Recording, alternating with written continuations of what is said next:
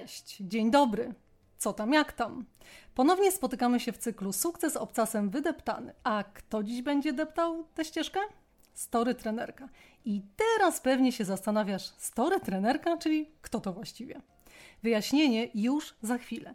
Zanim przejdziemy do meritum, wysłuchaj proszę krótkiego intro, bo przecież jeśli mnie jeszcze nie znasz, to dobrze byłoby wiedzieć, kim właściwie jestem. Zapraszam.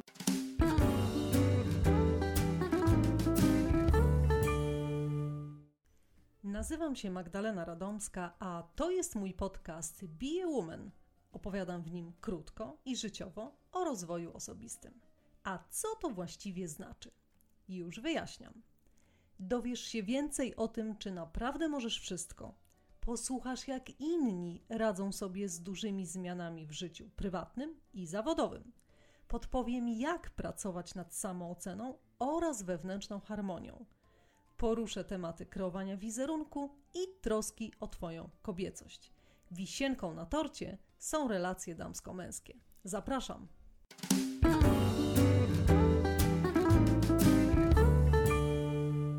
Wulkan energii i poczucia humoru. Nie nadążam za nią, serio. Ściśle związana z Instagramem, na którym uczy ludzi, jak budować relacje za pomocą relacji, czyli stories. Na relacjach akurat zna się wyśmienicie, bowiem z zawodu jest psychologiem. Mieszka w Austrii. Cześć Magda i drogie słuchaczki oraz słuchacze, jeżeli tutaj jesteście. E, witam Was bardzo serdecznie. Dziękuję Ci przede wszystkim za zaproszenie. Nawet nie wiesz, jaki to jest dla mnie zaszczyt, że mogę tutaj być e, taką bohaterką tego e, cyklu Twojego właśnie o sukcesie wydeptanym obcasem. Mam nadzieję, że będzie dzisiaj nam się bardzo miło rozmawiało i że będę mogła Wam coś opowiedzieć o sobie. Asiu, a Ty w ogóle chodzisz na obcasach? E, chodzę tylko od okazji, więc e, obcasem na pewno nie wydeptywałam swojego sukcesu, bo byłoby mi niewygodnie. Raczej preferuję trampki tudzież sneakersy. Asiu, pewnie wiesz, że tradycją cyklu Sukces obcasem wydeptany jest seria trzech krótkich pytań. Chodzi o to, żeby słuchacze mieli okazję poznać Cię trochę lepiej i ja Ci tutaj daję pewien konkretny wybór. Proszę też, żeby te odpowiedzi były krótkie. Pierwsze, bungee jump czy wieczór z dobrym filmem? Wieczór z dobrym filmem. Wakacje all inclusive czy zero planu jakoś będzie? Błagam, następne niech będą all inclusive, bo już jestem zmęczona tym brakiem planu właśnie. E, sen czy impreza? Hmm. Właściwie na to pytanie odpowiem sama, bo e, właśnie po zakończeniu tego podcastu e, będziemy sobie trochę balować, więc obstawiam, że impreza. Wyśpimy się, jak pójdziemy na emeryturę. Otóż to. I ostatnie, bo na tamto odpowiedziałam sama. Kaszanka czy salceson? Salceson. O, mamo. Ok, przejdźmy teraz do, do pytań e, bardziej opisowych. To tutaj już możesz się dać ponieść po prostu w pełni. Asiu, zacznijmy od tego właściwie, co to jest stories, relacja, po co to w ogóle? Relacje na Instagramie, czyli właśnie to, czym się zajmuję na co dzień, e, to jest taka forma przekazu, mm, przekazu dla twórcy konta Instagramowego. Jeżeli jesteś twórcą, tak jak ty, Magda, masz swoje konto na Instagramie, relacje, czyli Instastory, to jest jedna forma z przekazu, który możesz wykorzystywać na co dzień. Wiadome jest to, że mamy na Instagramie posty, ostatnio też weszły Reels, czyli te krótkie, zazwyczaj wesołe filmiki, ale to, co robi się na Instastory, to jest budowanie relacji z obserwatorami, których chcemy przekuć na naszych klientów. Czyli tam pokazujemy coś więcej niż e, tylko zewnętrzne, piękne grafiki. Chcemy zbudować relacje z tymi osobami, aby one zbudowały sympatię i zaufanie do nas. Czyli tam pokazujemy trochę bardziej prawdziwe życie ja bym proponowała być autentyczną osobą, dlatego że wiecie, wiesz, że ludzi przyciągają inni ludzie i nasze wartości będą przyciągały inne osoby z podobnymi wartościami. No dobrze, ale kogo interesuje, co ja jem na śniadanie i jaką piję kawę? Mnie bardzo interesuje, odkąd robisz takie Instastory i bardzo chętnie oglądam. No ciekawe, od kogo się uczyłam. No ciekawe. Asiu, jesteś znana w sieci jako kobieta z niespożytą energią, radosna, z ogromnym poczuciem humoru, kreatywna, no i oczywiście szalona. E, twoje drugie oblicze to psychologia i to nie tylko z nazwy, ale też z doświadczenia. I teraz, Asiu, wyobrażenie psychologa jest mniej więcej takie: spokój na twarzy wymalowany. Nie mówi za dużo, tylko głównie pytania zadaje. Czyta między wierszami. Ale raczej jednak jest oazą spokoju. Nie znam cię od tej strony. Mam wrażenie, że ty raczej do show biznesu pasujesz. Na przykład prowadzenie jakiegoś e, teleturnieju albo czegoś takiego byłoby, wydaje mi się, w sam raz. Jakim cudem wpadłaś na tę psychologię? Muszę ci powiedzieć, że ja siebie też nie znam od tej strony i bardzo szybko zorientowałam się, że na psychoterapeutę na pewno się nie nadaje. E, pomimo tego, że umiem czytać między wierszami, uwielbiam kontakt z ludźmi, lubię też pomagać, stąd pomysł pójścia na psychologię. Kiedy byłam e, w liceum, zastanawiałam się między dwoma ścieżkami.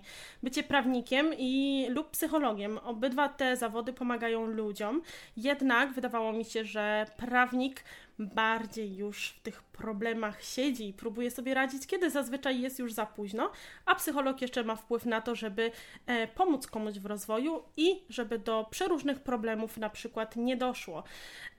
Szybko się zorientowałam, że nie jestem typem spokojnej osoby, na którą mogą liczyć klienci z problemami, więc poszłam e, w kierunku, zaczęłam się rozglądać w kierunku treningu właśnie, jako coach, jako trener i takie też doświadczenie zawodowe zebrałam.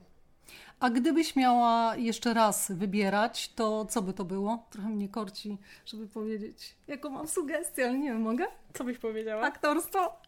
Ja bym powiedziała, że taniec. O, a to blisko trochę. Trochę blisko. Trochę blisko. Bardzo blisko. Show biznes tak czy inaczej. Show biznes. Jednak widzisz, dobrze mnie rozpoznałaś. Też się trochę znam na ludziach. Gdybym za młodu poszła na jakieś taneczne zajęcia w stylu baletowe i nie roztyła się, to bym miała szansę. Tak. E, ale pracowałaś tak naprawdę w swoim zawodzie. Opowiedz o swoich doświadczeniach. Tak, pracowałam jako tener, trener e, w stowarzyszeniu pozarządowym. Byłam, wykonywałam projekty psychoedukacyjne, byłam też menadżerem tych projektów. E, mam doświadczenie w pracy z grupami dzieci przedszkolnych, szkolnych, młodzieży i dorosłych. No to podziwiam z grupami dzieci. Jak sobie wyobrażę ludzi, którzy pracują z dużą grupą dzieci, to, to naprawdę jestem e, pod dużym wrażeniem i nie wyobrażam sobie siebie zupełnie w takiej roli. Chyba bym oszalała.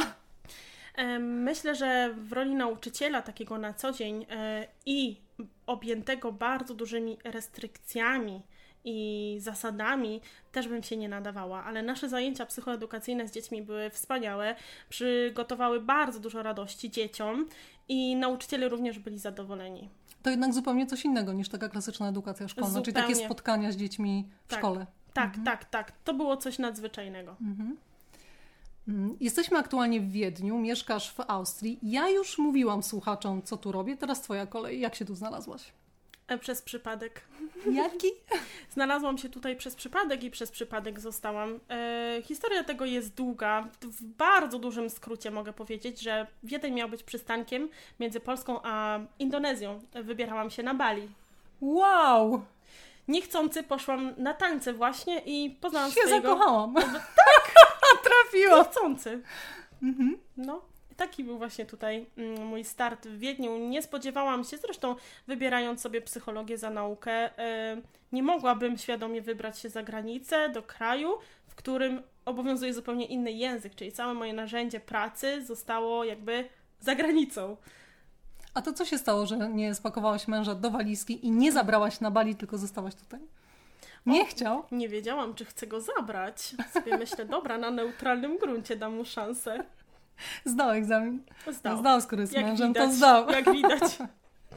E, I jak się domyślam, e, właśnie wtedy, po tym, e, w tym momencie, kiedy zdecydowałaś, że będziesz mieszkać w Austrii, była konieczna zmiana zawodowa, tak?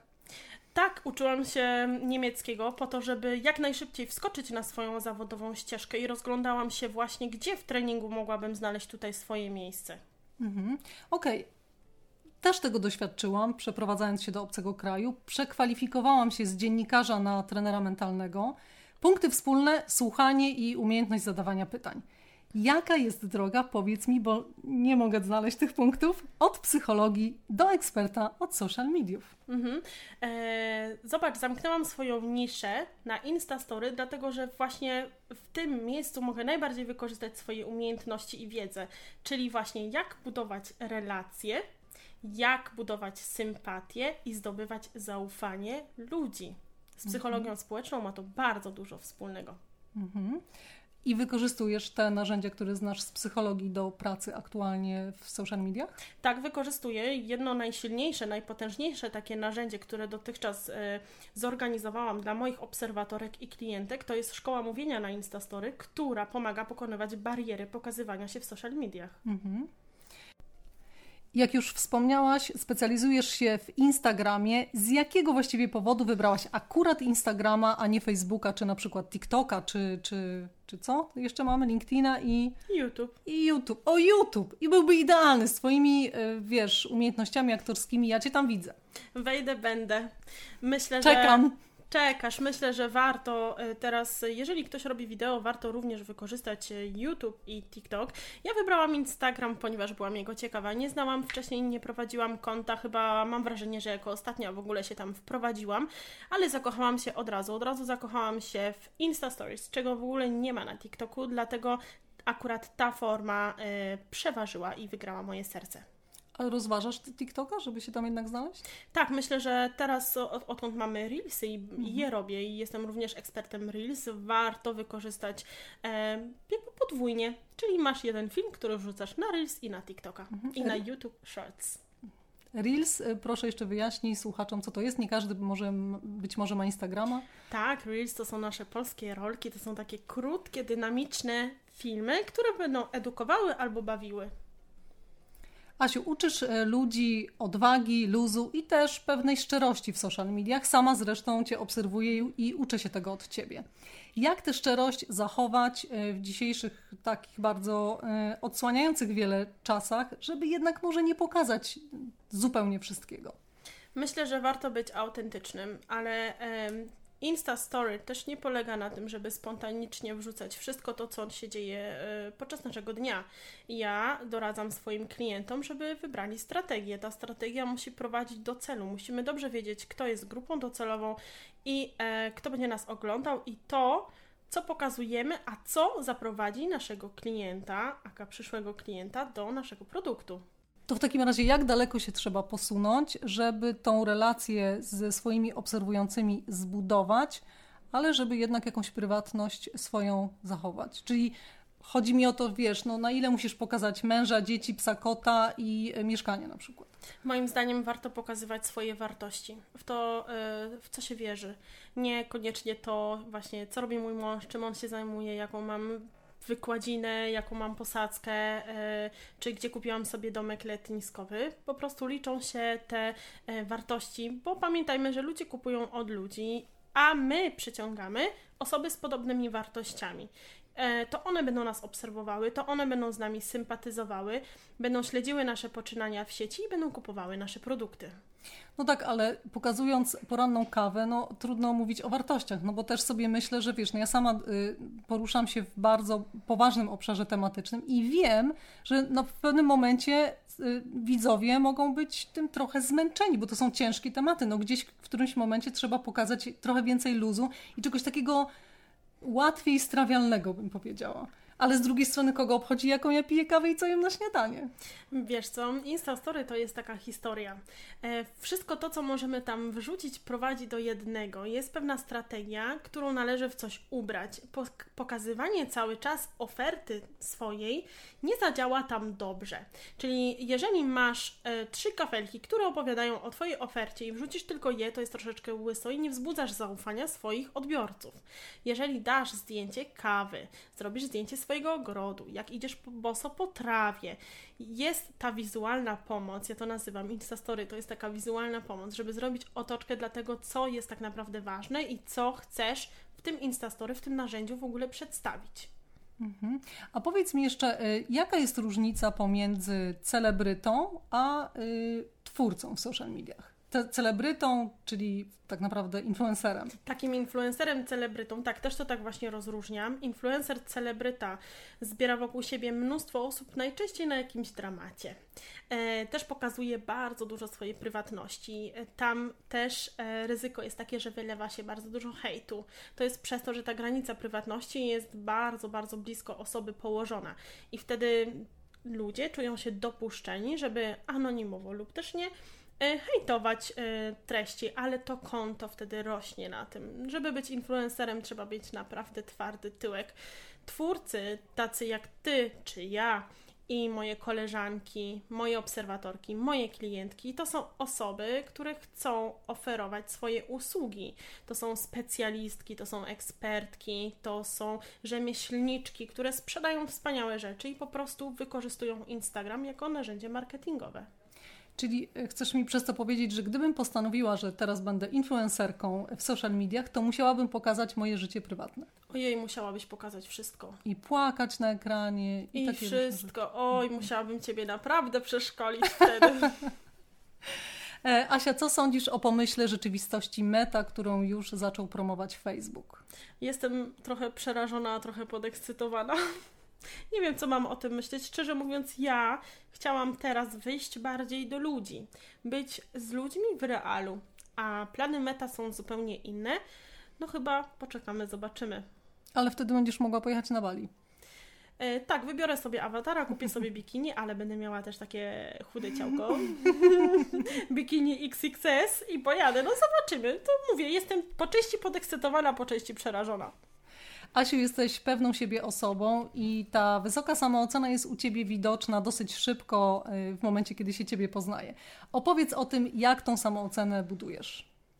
Ostatnio doszłam do takiego wniosku, że moją samoocenę budują osoby. Ja jestem, a być może każdy taki jest, mm, bardzo zależna od innych osób.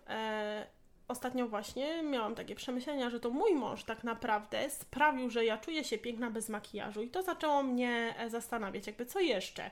Okazało się, że e, jego postawa wobec mnie, czyli jego ten podziw i takie właśnie uwielbianie tej naturalności i taka szczera miłość, to wzbudziło we mnie poczucie wartości i e, zbudowało tą osobę, którą ja teraz jestem. Jestem pewna siebie, jestem pewna siebie nawet bez makijażu.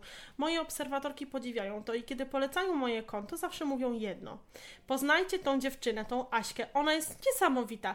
Jej jest po prostu obojętnie, czy ona dopiero wstanie i jeszcze się nie przeczesze, już się pokaże na Instastory, czy, czy ona e, jest bez makijażu, zupełnie w piżamie wieczorem nagrywa się to się okazało, że jest coś wyjątkowego w sieci. Ja po prostu tak robię, dlatego że wiem, że jestem akceptowana, więc teraz staram się wybierać do swojego otoczenia, wpuszczać osoby, które po prostu wspierają mnie. I myślę, że to jest świetna rada na to, żeby wybierać osoby, które Cię wspierają.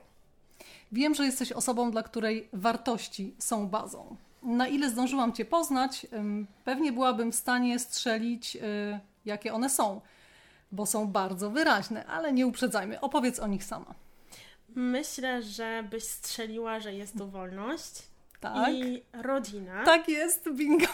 Czy coś jeszcze? Y, te dwie obstawiałam najbardziej. I one są chyba dla mnie najważniejsze. Muszę przejść jeszcze y, do, trochę do życia Twojego prywatnego. Muszę, bo się uduszę.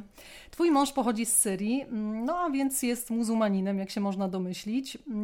No wiesz, przeczytałam w życiu kilka artykułów o tym, jak to Polka, katoliczka może mieć ciężkie życie z muzułmaninem. Wiesz, no na samą myśl już włącza się analiza. Jak to będzie? Co tu zrobić? Jak to ogarnąć? Jak to było u Was? Ja zanim e, go poznałam, nie czytałam takich artykułów, to cała rodzina już mi sprowadziła pod nos, e, więc już potem tak, rzeczywiście widziałam, e, słyszałam i czytałam przeróżne przerażające nawet historie, jednak z nami było inaczej. Sidar jest Kurdem. E, Kurdowie nie mówią, że są Syryjczykami, oni nawet nie mówią, że są Arabami, bo nie są. Kurdowie są Kurdami, ich kraj został rozgrabiony. To jest troszeczkę inna kultura, więc na początku był duży problem z tym, żeby właśnie przetłumaczyć ludziom, że Kurd to nie jest typowy muzułmanin. Na przykład mój Sidar jest bardzo przeciw religii.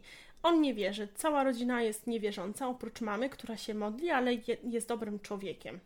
Mhm. No a co z takimi zasadami, wiesz, współżycia mm, z rodziną czy społecznego? One są jednak zupełnie inne niż te, które my znamy z tej części Europy. Jest wiele rzeczy, które mnie mile zaskoczyły. E, między innymi, może tutaj się przewrócicie, ale się mówi nie w Europie, że kultura polska jest tak gościnna, Mogę Wam powiedzieć w tajemnicy, że ona nawet nie leżała koło gościnności kurdyjskiej. Bardzo dobrze się czuję w tej kulturze, poznałam ją, wiem jaka jest wartość rodziny, czyli ta wartość rodziny, y, którą ja też wyznaję, jest tak bardzo wielka w życiu każdego człowieka, że ja automatycznie poczułam się jak ryba w wodzie. Myślę, że ja dzięki tej rodzinie nowej dostałam coś, czego nie miałam w swojej rodzinie, rodzinie. I teraz też widzę rzeczy, których by mi brakowało z mojej strony, właśnie od mojej rodziny, których być może oczekiwałam, ale nie dostałam, więc e, myślę, że wspaniale się uzupełniliśmy. Wspomniałaś o tym, że kiedy się poznaliście, to cała rodzina cię zarzuciła tymi artykułami o tych połączeniach właśnie międzykulturowych. E, z czym się tak właściwie musiałaś zmierzyć? No tak, z, musiałam się zmierzyć właśnie z tymi przekonaniami, że muzułmanin to będzie bił swoją żonę, a potem jak ona urodzi mu dzieci, to on je zabierze i wywiezie do Syrii. No tak, ale to jak przekonałaś rodzinę w ogóle, do, wiesz, do tego, żeby co? No, znaczy jak to, jak to wyglądało w ogóle? Bo rozumiem, że oni przeciwko, próbowali ci wytłumaczyć, żeby cię ochronić, etc., etc. Jak to się toczyło? Tak musieliśmy udowadniać, że nasz związek wygląda jak każdy europejski związek. Ja nadal chodziłam w krótkich spodenkach, chodziłam na imprezy taneczne, gdzie chcąc nie chcąc ocierałam się o innych mężczyzn i nie miałam z tego powodu żadnych dramatów, więc ja wiedziałam, że Sidar jest inny. Pewnie z takim tradycjonalistą nie mogłabym się związać, bo ta moja wolność, ta moja spontaniczność, ta miłość do tańca yy, na pewno by wygrały z każdym, z każdym mężczyzną.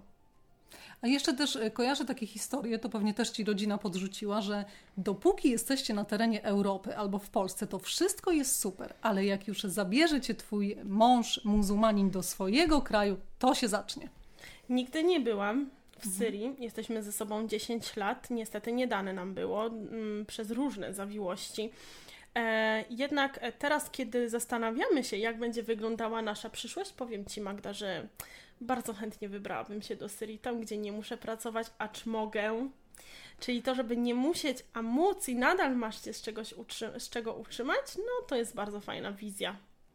Tak sobie myślę, że dla Sidara też byłaś nie lada wyzwaniem, no bo jesteś taką kobietą, która nie bardzo y, przypomina, czy jakkolwiek pasuje do stereotypu żony muzułmanina, no bo jesteś kobietą no, po prostu z hiperenergią. Jak on to ogarnął? Szczerze mówiąc, sama się dziwię do dzisiaj, jak on to ogarnia i w ogóle dlaczego on jeszcze nie uciekł. Myślę, że nie ma łatwo, ale chciał czegoś innego od początku. Po prostu on jest inny niż te typowe jednostki, o których my myślimy, że są takie.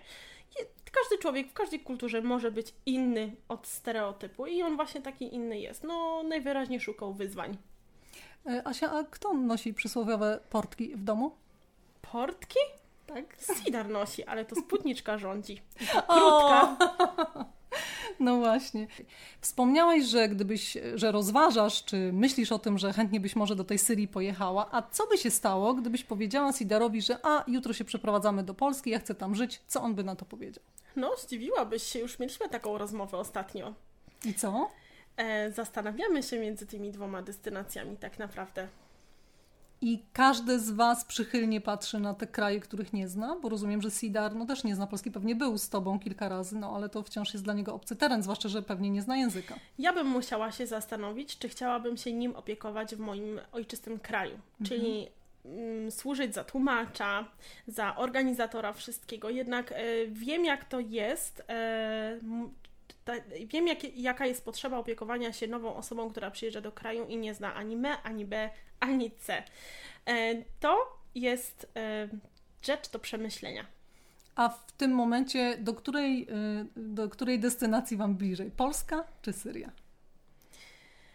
Według mnie Polska, być może jak zapytasz Sidara, to Syria. Asiu, gdzie będziesz w takim razie za 10 lat? Ale pytam tak ogólnie nie tylko o miejscówkę, ale w ogóle również w Twoim życiu zawodowym.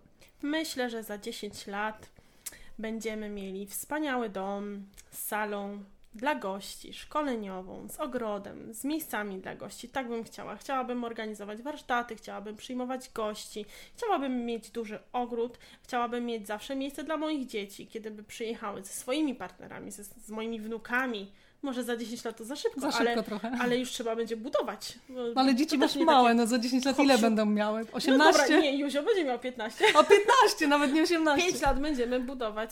E, zbudujmy partner, a potem będziemy budować kolejne etapy. E, chciałabym mieć takie miejsce, które mi pozwoli na rozwijanie siebie, bo ja nigdy nie wiem, co będę robiła. Być może wpadnę do głowy, że będę zostanę malarką. Chciałabym mieć miejsce i przestrzeń na to. Asiu, na koniec y, stwórzmy taką małą listę marzeń. Ona będzie oczywiście w takiej mini y, wersji na potrzeby tego podcastu. I poproszę Cię, mamy trzy kategorie marzeń, i poproszę Cię o jedno marzenie z każdej kategorii. Kim chcesz być? Chcę być spełnioną sobą. Co chcesz robić?